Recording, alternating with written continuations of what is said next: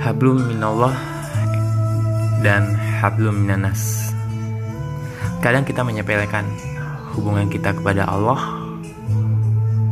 dan hubungan kita kepada manusia. Kita selaku khalifah di muka bumi ini sudah barang tentu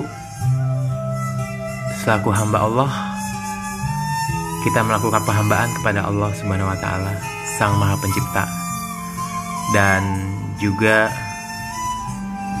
kita harus berbuat baik, peduli kepada sesama.